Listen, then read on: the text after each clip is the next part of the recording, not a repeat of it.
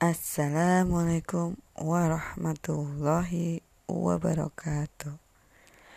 Alhamdulillah, kita bertemu lagi dalam pelajaran bahasa Indonesia. Kali ini kita akan belajar tentang dongeng. Apa itu dongeng? Pengertian dongeng. Dongeng adalah cerita yang tidak benar terjadi atau khayalan, tetapi mengandung pesan moral. Fungsi dongeng satu menyampaikan pesan moral atau pesan mendidik. Dua, sebagai hiburan. Apa itu struktur dongeng? Nah, struktur dongeng ada tiga. Yang pertama, pendahuluan kedua isi, dan ketiga penutup.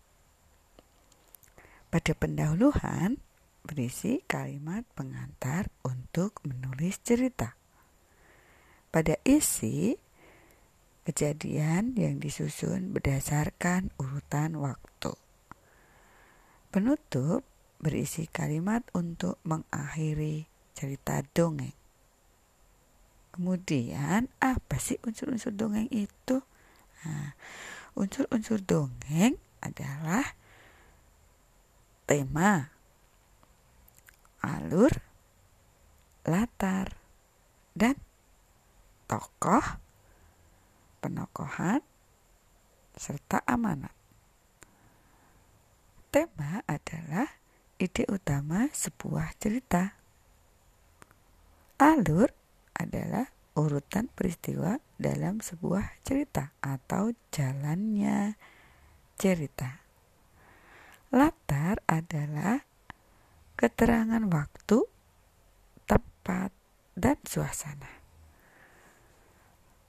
Tokoh adalah pelaku dalam dongeng yang biasa hewan, manusia, tumbuhan yang diberi nama. Penokohan yaitu karakter atau watak tokoh.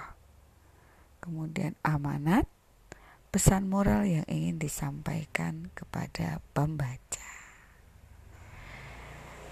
Contoh-contoh dongeng. Ah, ada malin kundang, bawang merah bawang putih, cokot tarup, batu menangis, dan masih banyak.